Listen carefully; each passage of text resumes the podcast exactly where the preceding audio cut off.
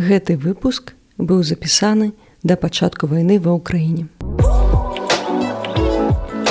То мы гаворым пра тое, што у нас паганства гэта так, некалькі пластоў, некалькі ўзроўняў розных эпох, перыядаў этнакультурных супольнасцяў. І напэўна, там і не было сэнсу праводзіць гэты афіцыйны акт хросту. Ёсць міф пра стварэнне свету ад таго, што пярун ударыў у камень, пасярод пракаветнага акеана вось ад гэтых іскраў і так пачаўся працэс фарміравання зямлі.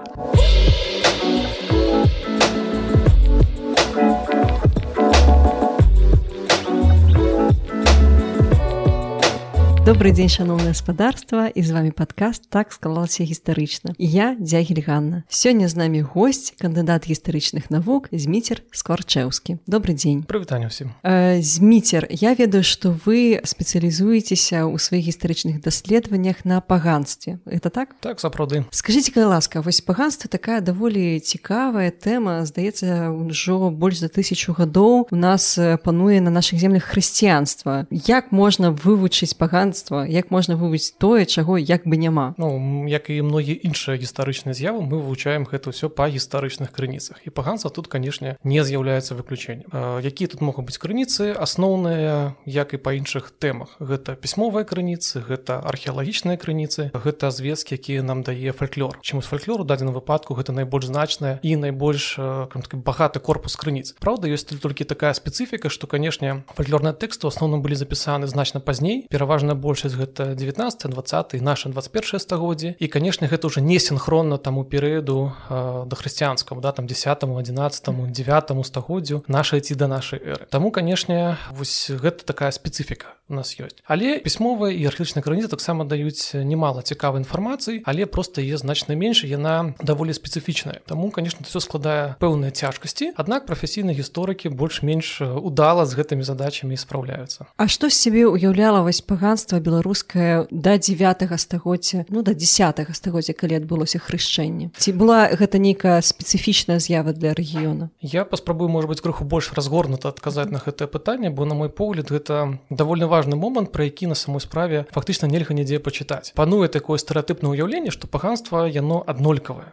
Яно аднолькавае адзінае. Прынпе так это падаецца з пункту гледжання хрысціянскай традыцыі. І гэты пункт гледжання ён і цяпер пераважае. Нават людзі напрыклад себе хрысціянам не лічаць але погляд на паганства ў пераважнай большасці сучасных людзей ён усё роўна быў сфармаваны хрысціянскай традыцыі Таму вось пра гэты момант трэба пагаварыць. І зноў такі нават у гістарычных даследаваннях нярэдка можна пабачыць як самі даследчыкі яны пераносяць вось гэты такі стэеатыпны погляд на паганства. То бок уяўляць як некую такую адзіную традыцыю якая маналітная аднолькавая была там у девятым стагоддзі і у другім тысячагоддзе да нашай эры напрыклад. Хаця канешне гэта зусім не так. І яшчэ такую гаворку якую важна сказаць вось мы тут будем карыстацца тэрмінам беларускае паганство mm -hmm. але я просто хочу дакладніць што калі мы гаворым про беларускае паганство мы тэрмінам беларускі маем на увазе на перш тэрытарыяльную прыналежнасць да сучаснай Рэспублікі Беларусь. Бо ўсё ж таки калі мы гаворым про дахрысціянскія часы там старажытнасць ранняе сярэднявечча конечно тут тэрмін беларускі у дачыне да таго насельніцтва якое пражывала ён не зусім карэктны. Але все роўна мы гаворым про тое што адбывалася на землях сучаснай беларусі і канешне пра традыцыі тых этнакультурных супольнасцяў тых людзей якія унеслі значны ўнёсак у этнагенез беларусаў То бок гэта якія супольнасці можна іх абазначыць? Гэта будуць розныя супольнасці Ну калі так агулам казаць гэта балта-славянская супольнасць. Mm -hmm. ось, ну так агульнымі тэрмінамі. Ну, вось і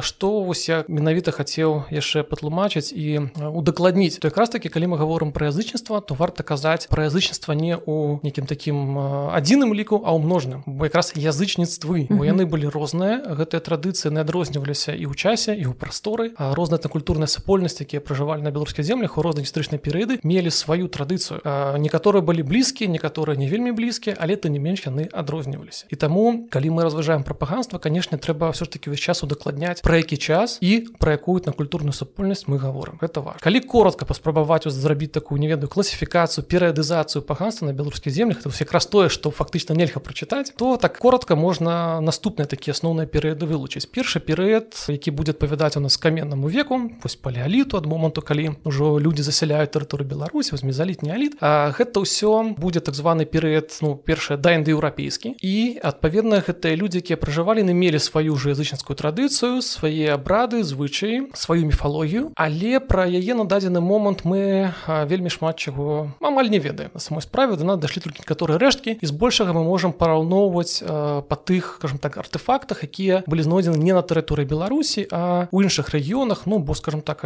археічныя культуры яны канешне былі далёка за межамі там толькі адной беларусі Вось калі мы кажам вось про гэта да індаеўрапейскую міфалогію на тэрыторыі беларусі то магчыма мы можемм вылучыць больш-менш пэўна такі два может быть нават да два асноўных таких сюжэта матыва. Гэта культ вялікай багіні багіні маці. І другі матыў другі сюжэт гэта касмаганічны долістычны міф пра стварэнне сусвету боствамі боскай парай дзе адзін з багоўтворцаў ён прадстае ў выглядзе вадаплаўнай птушкі. І вось гэты фальклорны сюжэт дарэчы вельмі пашыраны ў беларусі як бы ён і ў нашы дні нават записывается. І просто што цікава што вось гэтыя выявы качак іншых вадаплаўных птушак прычым у суседстве з чалавекам вось напрыклад ёсць кераміцы такія выявы качка і стаіць побач чалавек і вось як мяркую даследчыка менавіта гэты мастацкі матыў а мастацтва было звязана з міфалогіяй конечно той час. Вось ён напэўна застаўся ось у спадчыну менавіта ад гэтага да індаеўрапейскага насельніцтва. І калі ўжо індаеўрапейцы бронзавым веку рассяляліся на тэрыторыі беларусі ось яны гэты сюжэт запазычылі бо у літоўцаў дарэчы таксама вось вядомы падобны фальклорныя сюжэты як сусвет ствараўся парай бахоў адзін з якіх прымаў выгляд вось вадаплаўнай птушкі які вось нырае на дно пракаветнага акіяна дастае насенне зямлі і потым другі бог ну, як першы ідзе ён стварае з гэтага насення ўжо сусвет ну і все тое што бачым навокал. Таму вось гэта так выглядала скажем так да індаеўрапейская то бок я правильно разумею што археолагі яны раскопваюць стаянкі нейкія паселішчы каменнага веку знаходзяць там выяву качкі і потым яны ідуць вон кажа да фальклорыстаў у якіх ёсць нейкія фальклорныя сюжэты з качкай і на такія сыходзіцца да? Ну гэта калі вельмі груба то да але на самой справе не зусім так. Ну сапраўды тут вельмі дапамагае так звана кампаратыўная міфалогія кампаратыўная фальклорыстыка якая ўжо даволі добра развіта ў свеце як бы ёсць цэлая велізарная каталогі міфалагічных сюжэтаў матываў і ёсць картаграфаванне гэтых масці матываў. Можна напрыклад згадаць працы юрыя бярозкіна якія даступны ў інтэрнэце можна любы ахвотна паглядзець. Вось і вось гэта картаграфаванне фальклорных матываў міфалагічных матываў яно дазваляе вызначаць пэўныя арэалы той же бярозкін нават спрабуе датаваць іх і потым ужо археолагі таксама яны могуць супастаўляць вось гэтыя арэалы звесткі і прынцыпе больш-менш я думаю гэта адпавядае рэчаіснасці Ну гэта адзін з метадаў працы Вось другі перыяд які вось датычыцца паганства гэта перыяд ужо скажем так індаеўрапейскі калі ў бронзавым веку індаеўрапейцы рассяляюцца у тым ліку на землях беларусі і канешне прыносяць сабой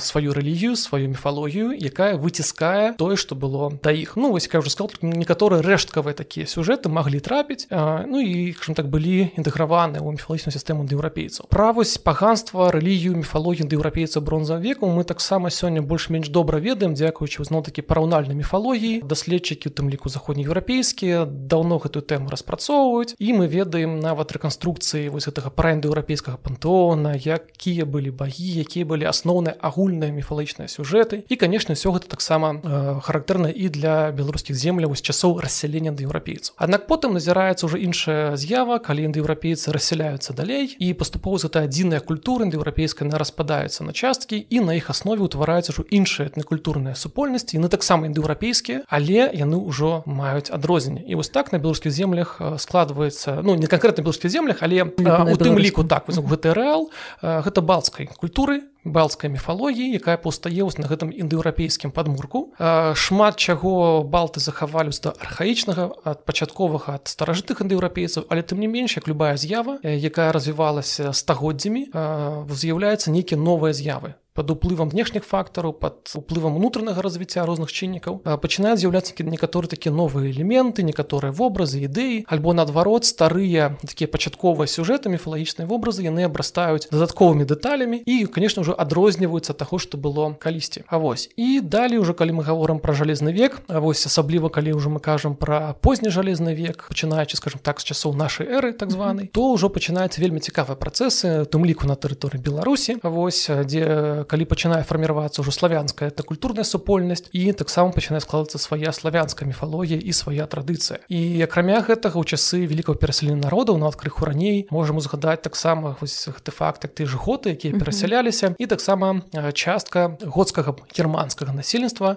асела на землях беларусі на брэшчыне заходняй частка брэскай вобласці. Вось так званая лібарская археалагічная культура. Некалькі стагоддзяў пражывалі і яны таксама мелі сваё паганства германскага да вось і яно адрознівалася ад балцкага і потым ад славянскага. І потым вось я уже сказаў фарміруецца славянскай такім чынам у нас атрымліваецца такая цікавая асаблівасць. Калі мы гаворым ужо пра позні жалезны век пра ранняе сярэднявечча у нас па сутнасці на тэрыторыю часнай беларусі і адбылось вось гэтая сустрэча сутыкнення не ведаю гэта можна назваць. Але тым не менш ужо ёсць вось старая балцкая міфалогія старое балцкае паганства і таксама адносна новое маладое славянскае. І вось яны таксама пачынаюць узаемадзейнічаць уплываць канфліктаваць у тым ліку паміж сабой Таму вось прыкладна так выглядае гэтая сітуацыя. Але зноў жа калі мы далі ідзем ужо ў часы ранняга сярэднявечча трэба ўзгадаць што таксама і славянская міфалогія славянска традыцыя таксама пачынае падзяляцца. Бо калі паглядзець тое што вядом па пісьмовых крыніцах напрыклад што было ў Киеве да вось кійскі пантеон князя владимира і напрыклад тую традыцыю якая вядома у балтыйскіх палапскіх славян мы бачым адрозненне пэўнае. То бок мы бачым нават унутры славянска з гэтай супольнасці таксама адбываюцца свае працэсы фарміруецца свая паганская міфалагічная рэлігійная сістэма і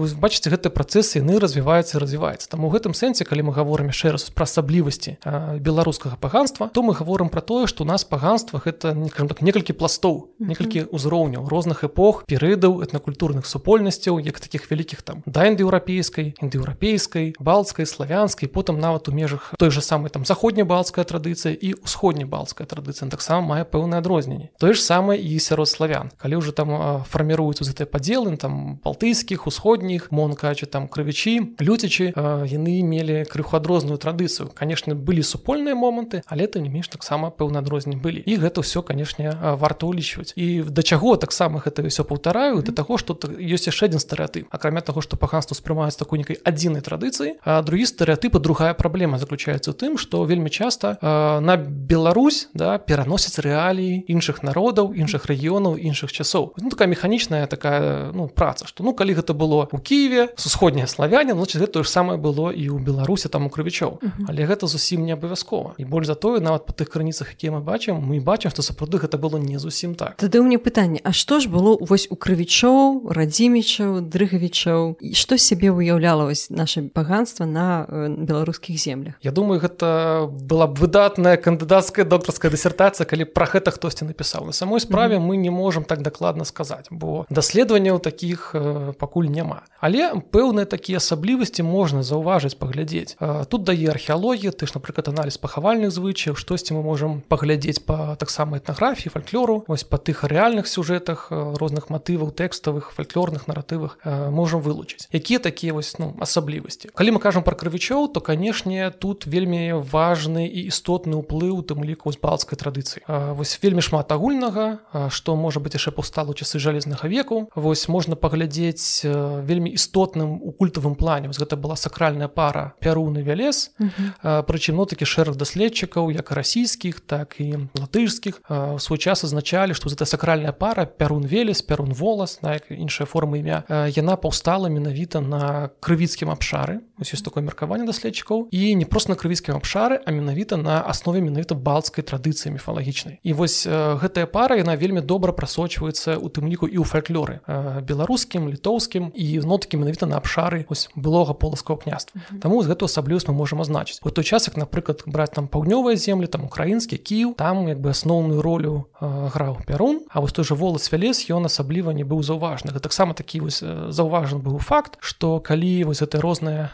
плямёны прымалі ўдзел у паходах на цархрад і вядомы это сюжэт клятвы якую прыносілі паганцы які кляліся перуном і воласам то заўважна был даследчыкамі што ў тых паходах дзе бралі удзел крывічы згадваецца клятва перуном там і воласам калі крывічоў не было толькі перуном. Да вось была клятва. Таму такая ёсць пэўна асаблівасць такая паўночная рыса. Вельмі істотна відаць гэта быў культ камянёў бо зразумела ледавік сфарміраваў долькі спецыфічны ландшафт і культ камянёў і звязаны з ім вобразаў ты ж там камені краўцы камені шаўцы то бок камяні пра кісныя спаданні што нейка міфалычная істота шые вопратку ці абутак вось гэта таксама такая характэрная рыса думаю крывіцкай традыцыі. Культ змяі вужа таксама відаць ён быў характэрны для крывічоў Ну гэта і археалагічна па некаторых рэчах прасочваецца і фальклоры таксама на гэтых абшарах. А вось як бы ёсць міф пра стварэнне свету таго што пярун удары ў камень пасярод пракаветнага акеана вось ад гэтых іскраў і так пачаўся працэс фарміравання зямлі зноў такі гэтае паданне было запісана вось якраз такі ў сяроддзі было у крывіцкім рэале Таму па такіх асобных сюжэтах мы можемм зрабіць пэўную рэканструкцыю але кажам так у дадзены момант я цалкам не гатовы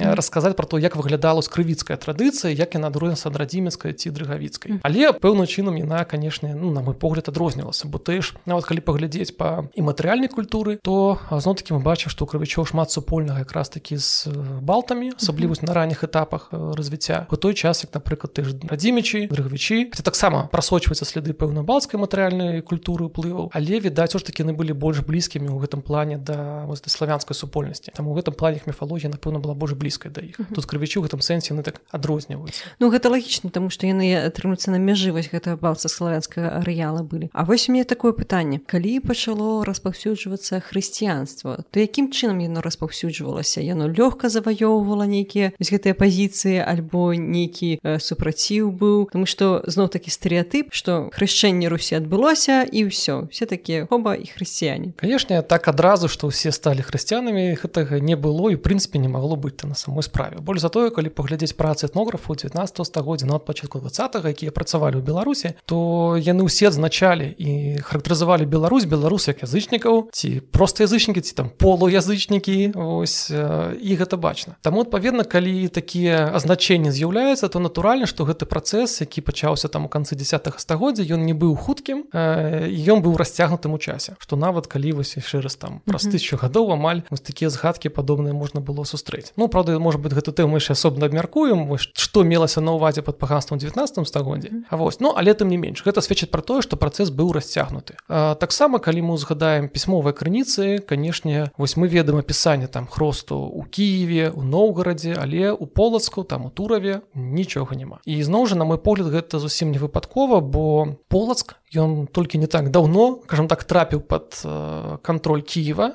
Больш той полас фактычна быў разгромлены і напэўна там і не было сэнсу праводзіць з гэты афіцыйны акт хросту. Напэўна не было асабліва для каго-то па-першае. Па-другое Мачыма той же сам владимир ён не разглядаў полацк менавіта як сваю тэрыторыю. Як бы ён хрысціў менавіта сваю тэрыторыю Кіў Ноўгарад дзе меў усе правы як бы мог рабіць што заўгодна. З полацкам відаць усё ж таки пасля таго пагрому які ён зладзіў відаць гэта была даволі вялікая праблема. І нам напэўна праводзіць такі акт хросту. Таксама гэта быў лішні такі скажем так ну штуршок каб э, разлаваць ну такі мясцовых жыхароў. Таму відаць вось гэта афіцыйны хросту полацку і не праводзіўся. Ну як бы это так ну, мяркую. Але э, таксама ўзнікае пытанне як што з туравым. Бо туру значна раней трапляе под контроль Киева і вельмі цесна быў звязаны з кіевым палітычным плане але таксама па пісьмовых крыніцах мы нічога не ведаем пра хрышчэнне ў тураве. Ведаем толькі одно паданне вось пра гэта знакаміта турускія каменныя крыжы які вось прыплылі пра прыпяці і вода зрабілася чырвонай. І сучасныя даследчыкі інтэрпрэтуюць гэта як факт того што адбылося хрышчэнне што прыйшло як бы хрысціянства як крыж прыплыў і адпаведна а вода стала чырвонай бо відаць гэта сведчыць пра гвалтоўны хрост. Ну інтэрпрэтацыя конечно такая можа быць але не абавязкова.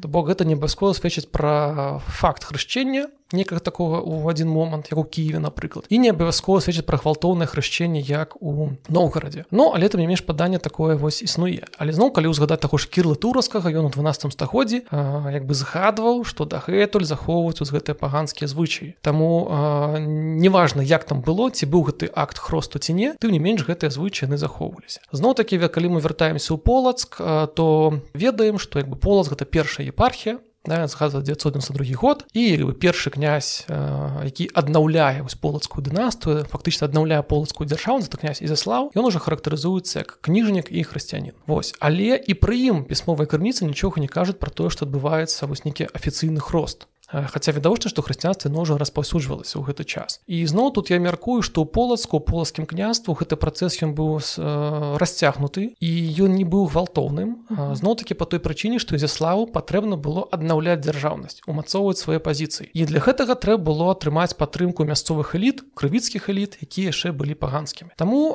відаць это працэс быў мірным шляхам. У прынцыпе я думаю то тут у гэтым сэнсе наўрад ці тэрыторыя беларусі надта адрознівалася тэрыторыя Еўропы тагачаснай. І паўсюль метады былі падобнымі калі гэта не гвалтоўнае то наадварот імкнуліся хрысціянізаваць спачатку эліту як бы дружыну ну як хрысціянізаваць заахвочваць дадатковымі статусамі валоданнямі тэрыторыямі грошамі ну вось ну і сам па сабе статус нават і відаць это все было мірна і паступова распасудзіўся бы зноў жа такі калі мы глядзім на пахавальную традыцыю той же полацкай зямлі вось дзесьці такія выразныя ўжо прыкметы хрысціянскага пахавальнага звыч яны прасочваюцца дзесьці ўжо сярэдзіны 11 стагоддзя.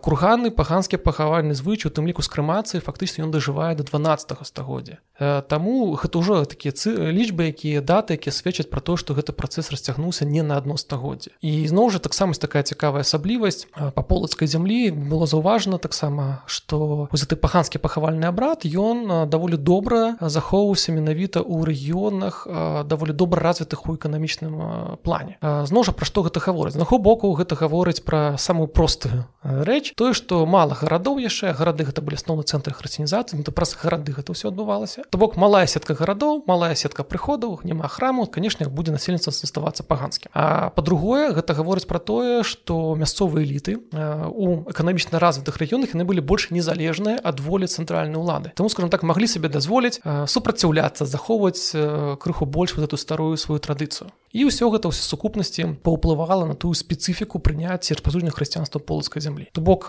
працэс хрысціянізацыі які пачаўся ў канцы 10 стагоддзя ён быў фактычна ўжо незваротны але ўсё ж такі ён не быў такім хуткім гвалтоўным расцягнутым паступовым. І канешне гэта таксама шмат у чым тлумачыць чаму возьно такі многіх гэта звычай старажытна архаічна не захаваліся на тэрыторыі беларусі там ліка вось да наших дзён. І ўжо сёння гэта прагучала полацкая зямля таксама гэта фактычна памежа балтаславянскага свету. Гэта суседзі балцкія плямёны які былі язычнікамі на не проста суседзі з аднаго боку гэта былі і адносіны падданых да, высуплы даніны з іншага боку яны разам хадзілі ў паходы сумесна нейкая палітычная дзейнасць вайсковая была. Таму канешне таксама ўплывала на тое што з аднаго боку полацкай зямлі по наступені захоўвалася паганства ці інакш а з іншага боку гэта адваротным кажам так шляхам яно ўплывала на то што некаторыя ідэі хрысціянскі ну таксама маглі распасуджвацца і сярод ужо балцкіх плямёнаў то бок можна сказаць што такое крывіцкае хрысціянства было крыху паганскім а балцкае паганство было крыху хрысціянскім не зусім так ось ж такі хрысціянства было хрысціянствам у гэты час. А, ну але тым не менш свая спецыфіка пэўная была. Ўсё ж такі мы гаворым не то што хрысціянства адрознівалася а хутчэй гэта гаворка пра агульную рэлігійную сітуацыю што акрамя хрысціянства яшчэ былі моцныя пазіцыі старой веры. Ну і народная традыцыя якая как арганічна спалучала і тое і тое бок было узаемапаразуменне скажем так. Не было нейкіх таких канфліктаў вельмі вострых паміж хрысціянамі і паганцамі у гэтым памежжы тут мы можемм толькі разважаць і меркаваць uh -huh. бо нейкіх таких канкрэтных звестак пісьмовых крыніц ці археалагічных про гэта няма. Безумоўна конечно канфронтацыі ідэалагічны канфлікт ён быў яго не магло не быць гэта натуральна але тут э, вялікі фактор гэта дзеянні князя Ось як эліты як дзяржава яна рэгулявала гэты працэс. Зноў такі тут можна там потым і аналогіі з великкапясна літоўскім праводзіць на часу едыміна дзе паганская дзяржава але таксама існова крыху была бок адваротная сітуацыя дзе не хрысціянская дзяржава а паганская дзяржава але была дазволена дзейнасць хрысціяна як бы каталіцтва праваслаўе але ў сваіх межах для свайго насельніцтва. Пэўна ступені штосьці магло быць падобна у тым ліку полацкай зямлі. Бок гэта хрысціянская дзяржава князь хрысціянін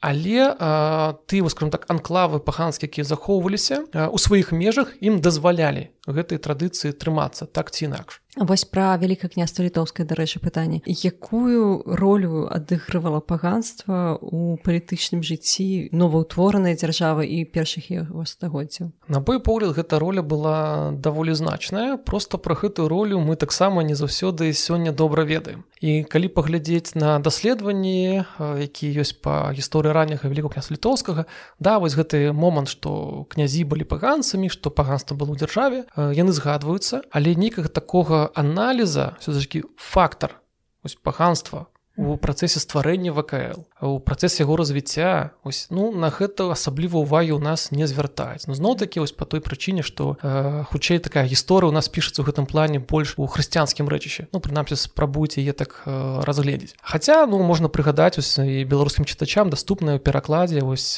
праца роула пра паганскую імперыю ось якраз вельмі трапнае значэнне э, даследчык вось кажа што літва гэта раней вКл гэта паганская імперыя і ўжо сам па сабе гэты тэрмін кажа пра тое што паганства адыграла вельмі такую істотную значную ролю у працэсе складвання канешне якая менавіта гэтая роля была тут ужо трэба асобна разглядаць але то не менш самі князі яшчэ раз яны паганцы хаця той жа міндоў да калі узгадаць як заснавальніка дзяржавы ён пераходзіў то каталіцтва то зноў вяртаўся але тым не менш як бы ён язычнік ён паганец А вось іншыя князі таксама бок э, дзяржава сама по сабе паганская.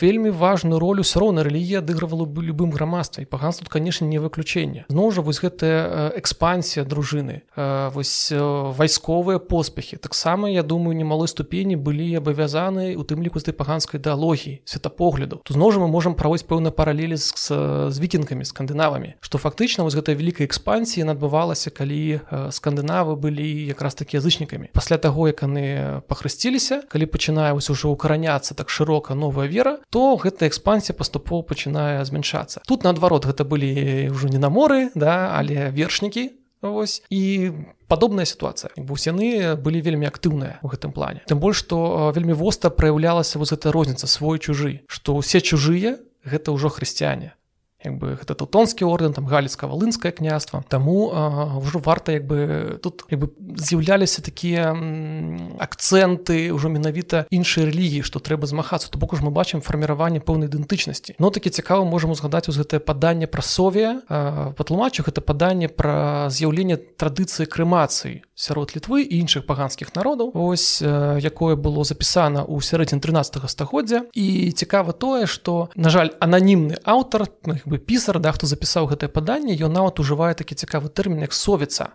якім пазначае ўсіх паганцаў якія прытрымліваюцца звычая крэмацыі ушанавання пэўнага кола багоў. І ён піша пра тое што якія народы з'яўляецца совіцай хто прытрымліваецца. Гэта балцкія розныя народы тым ліку літва і некаторыя іншыя народы. Праўда ён не ўдакладняе хто гэта былі некаторыя іншыя але зноў-таки з улікам таго што мы бачым як той ж напрыклад землі полацкого княства як іншыя княствы як яны ўдзельнічалі працэсе стварэння ВКл то бок магчыма якраз гаворка ідзе якраз такі вось пра гэты тэрыторы на нашчадкі крывічоў у гэты час. Ось яны таксама яны не разглядаліся як ворагі у адрозне таго ж гальска валынскага княства. Вось яны супольна дзейнічалі. Ну відаць вось гэта павага той даўняй традыцыі ўзаемадзеяння паміж паганцамі балтамі і крывічамі ўжо хрысціянамі. Але пры гэтым ось калі гэта раўнавага полацкай зямлі яна захоўвалася. Вось таму як бы як ворагі хрысціяне тут не ўспрымаліся а ось іншыя былі. І мы бачым што міндоўг падтрымлівае паўстанні прусаў супраць тонскага ордна то бок нейкая такая салідарнасць сярод паганскіх народаў і навідавочна існавала. Зноў-такі тут можна шмат разважаць праз гэтую пэўную нават адзіную традыцыю рэлігійную. Вось это пруская да вось улада крыві крывейты верхоўнага святара якія прызнавалі ўсе балцкія народы. Ну гэта асобная такая тэма але тым не менш вось калі паглядзець на тыя дзеянні які рэальна разгортваліся ў сярэднім 13 стагоддзя то сапраўды можна меркаваць што некакая агульная паганская палцкая самасвядомасць яна існавала. І яна магла дапамагчы вось у працэсе стварэння ВКл Дзякуй вялікі зміцер за размову было вельмі цікава Дзякуй вялікі за пытанні з вельмі цікавыя пытанні і дапавышэння Я нагадваю што можна слухаць наш падкаст на яндекс музыкі на Apple падкастах на Google падкастах можна подписывацца на нстаграм нават на тикток буду рада вашим каментарям і дзякуй вялікі маім патронам за падтрымку праекта на патрыоне да пабачэння.